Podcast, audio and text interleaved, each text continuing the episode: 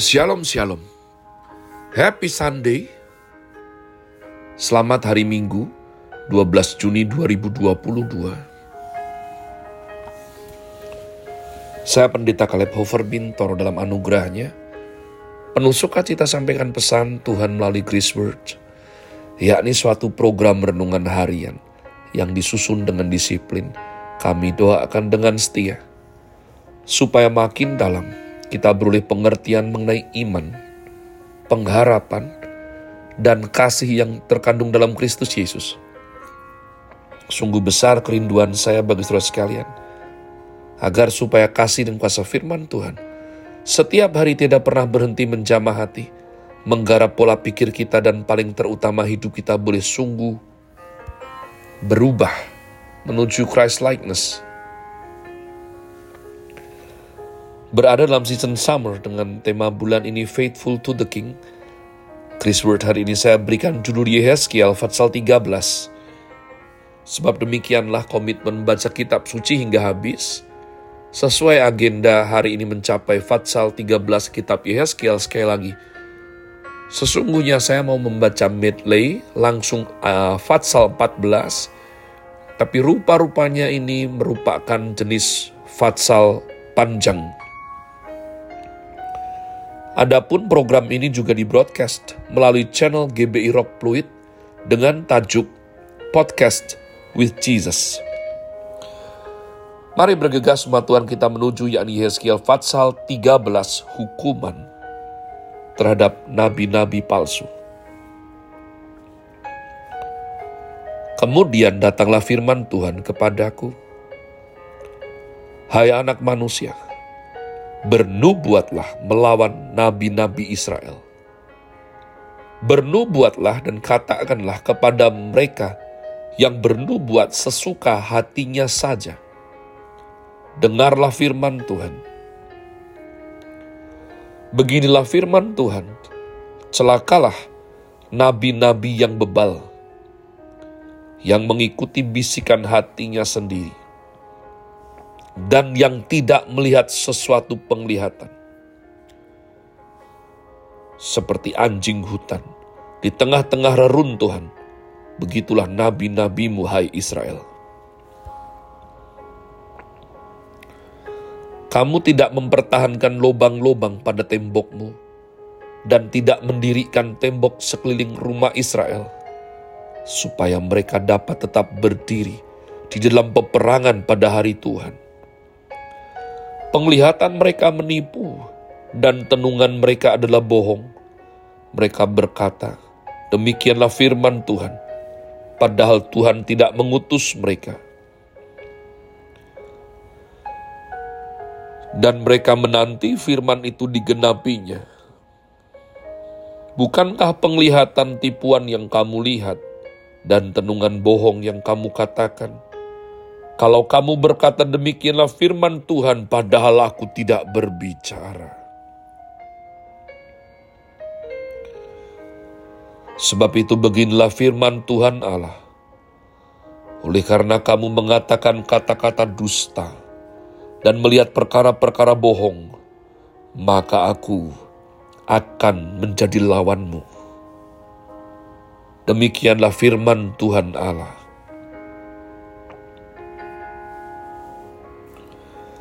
Aku akan mengacungkan tanganku melawan nabi-nabi yang melihat perkara-perkara yang menipu dan yang mengucapkan tenungan-tenungan bohong. Mereka tidak termasuk perkumpulan umatku dan tidak akan tercatat dalam daftar kaum Israel dan tidak akan masuk lagi di tanah Israel dan kamu akan mengetahui bahwa akulah Tuhan Allah. Oleh karena, ya, sungguh karena mereka menyesatkan umatku dengan mengatakan damai sejahtera, padahal sama sekali tidak ada damai sejahtera. Mereka itu mendirikan tembok dan lihat mereka mengapurnya. Katakanlah kepada mereka yang mengapur tembok itu, hujan lembat akan membanjir, rambun akan jatuh, dan angin tofan akan bertiup kalau tembok itu sudah runtuh, Apakah orang tidak akan berkata kepadamu, di mana sekarang kapur yang kamu oleskan itu?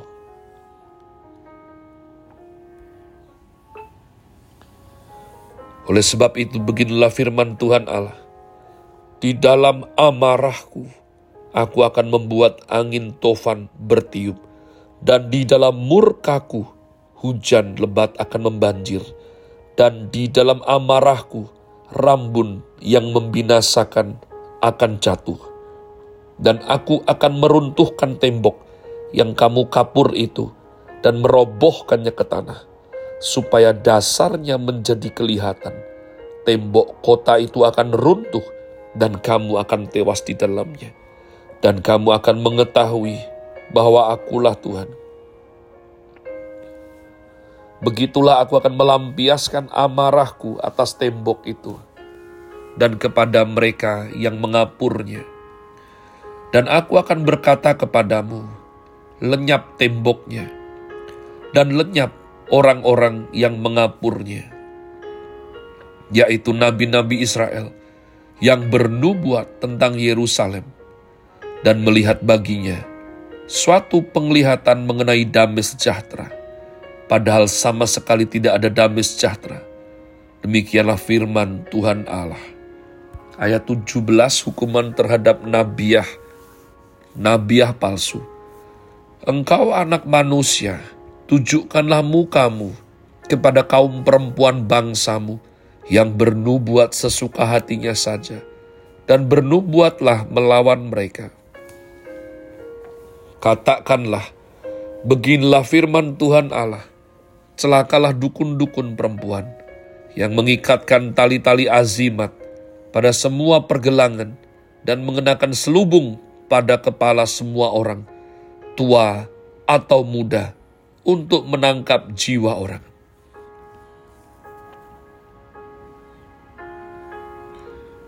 Apakah kamu hendak menangkap jiwa orang yang termasuk umatku dan membiarkan orang-orang lain hidup untuk kepentinganmu?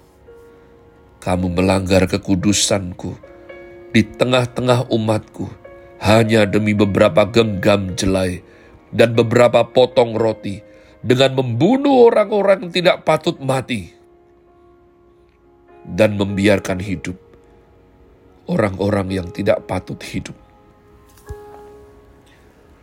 Dalam hal kamu berbohong kepada umatku yang sedia mendengar bohong. Oleh sebab itu beginilah firman Tuhan Allah. Aku akan menentang tali-tali azimatmu dengan mana kamu menangkap jiwa orang dan aku akan mengoyakkannya dari tanganmu dan melepaskan seperti burung-burung orang-orang yang kamu tangkap. Aku akan mengoyakkan selubungmu dan akan melepaskan umatku dari tanganmu dan mereka tidak lagi menjadi mangsa di dalam tanganmu. Dan kamu akan mengetahui bahwa akulah Tuhan. Oleh sebab kamu melemahkan hati orang benar dengan dusta, sedang aku tidak mendukakan hatinya.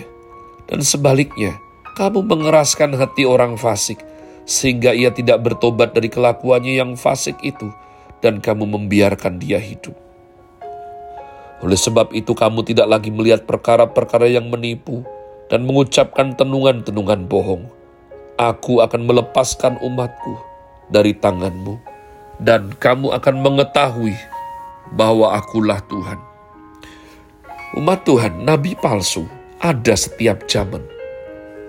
Tuhan berkata akan makin banyak spesies ini di akhir zaman. Tapi di setiap zaman ada nabi palsu. Jangan izinkan dirimu luka, duka, kepahitan, kecewa karena nabi palsu.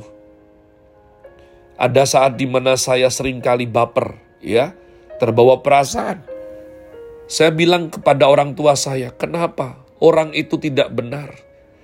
Orang itu jelas morotin umatnya, ya. Janji iman terus-menerus, minta uang terus-menerus, digelorakan. Khotbah-khotbahnya, terus isinya menyedot, menyedot, menyedot hal-hal materi untuk diantar untuk keperluan pribadi. Rasanya sumpek di dada, rasanya kecewa. Lalu saya ingat mama saya itu. Dia akan tepuk kepala saya, atau dia akan pukul perut saya. Memang demikian mamah tercinta saya umat Tuhan. Dia akan berkata, lihat Yesus. Lihat Yesus. Jangan lihat yang tidak benar. Umat Tuhan, jangan lihat yang tidak benar. Lihatlah Yesus. Dan jangan khawatir. Tuhan punya hukumnya terhadap nabi dan nabiah palsu. Tidak mungkin mereka dibiarkannya begitu saja. Semua yang kurang ajar sama Tuhan tinggal tunggu waktunya. Maka hiduplah takut akan dia. Hormati dia. Sayangi setulusnya. Jangan main. Jangan kurang ajar sama Tuhan. Kalau orang lain kurang ajar biarin. Kamu jangan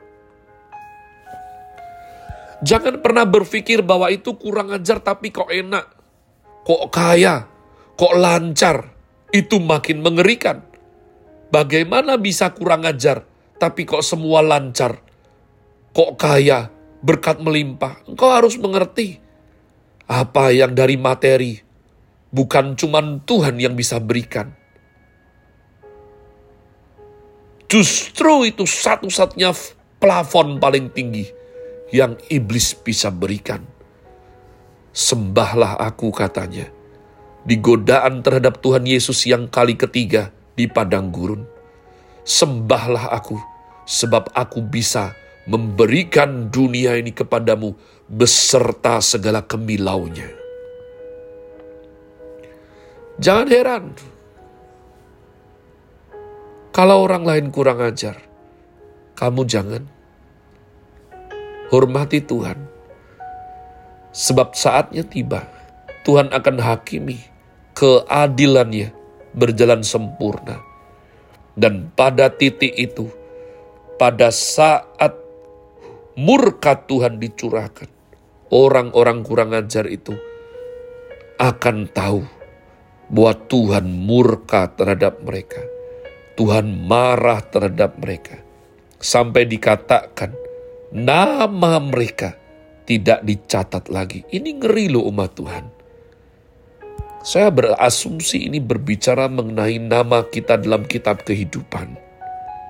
Jadi saya ajak hari ini. Mari tulus apa adanya. Kalau tahu, bilang tahu. Tidak, bilang tidak. Kalau Tuhan suruh, mari kita kerjakan sungguh.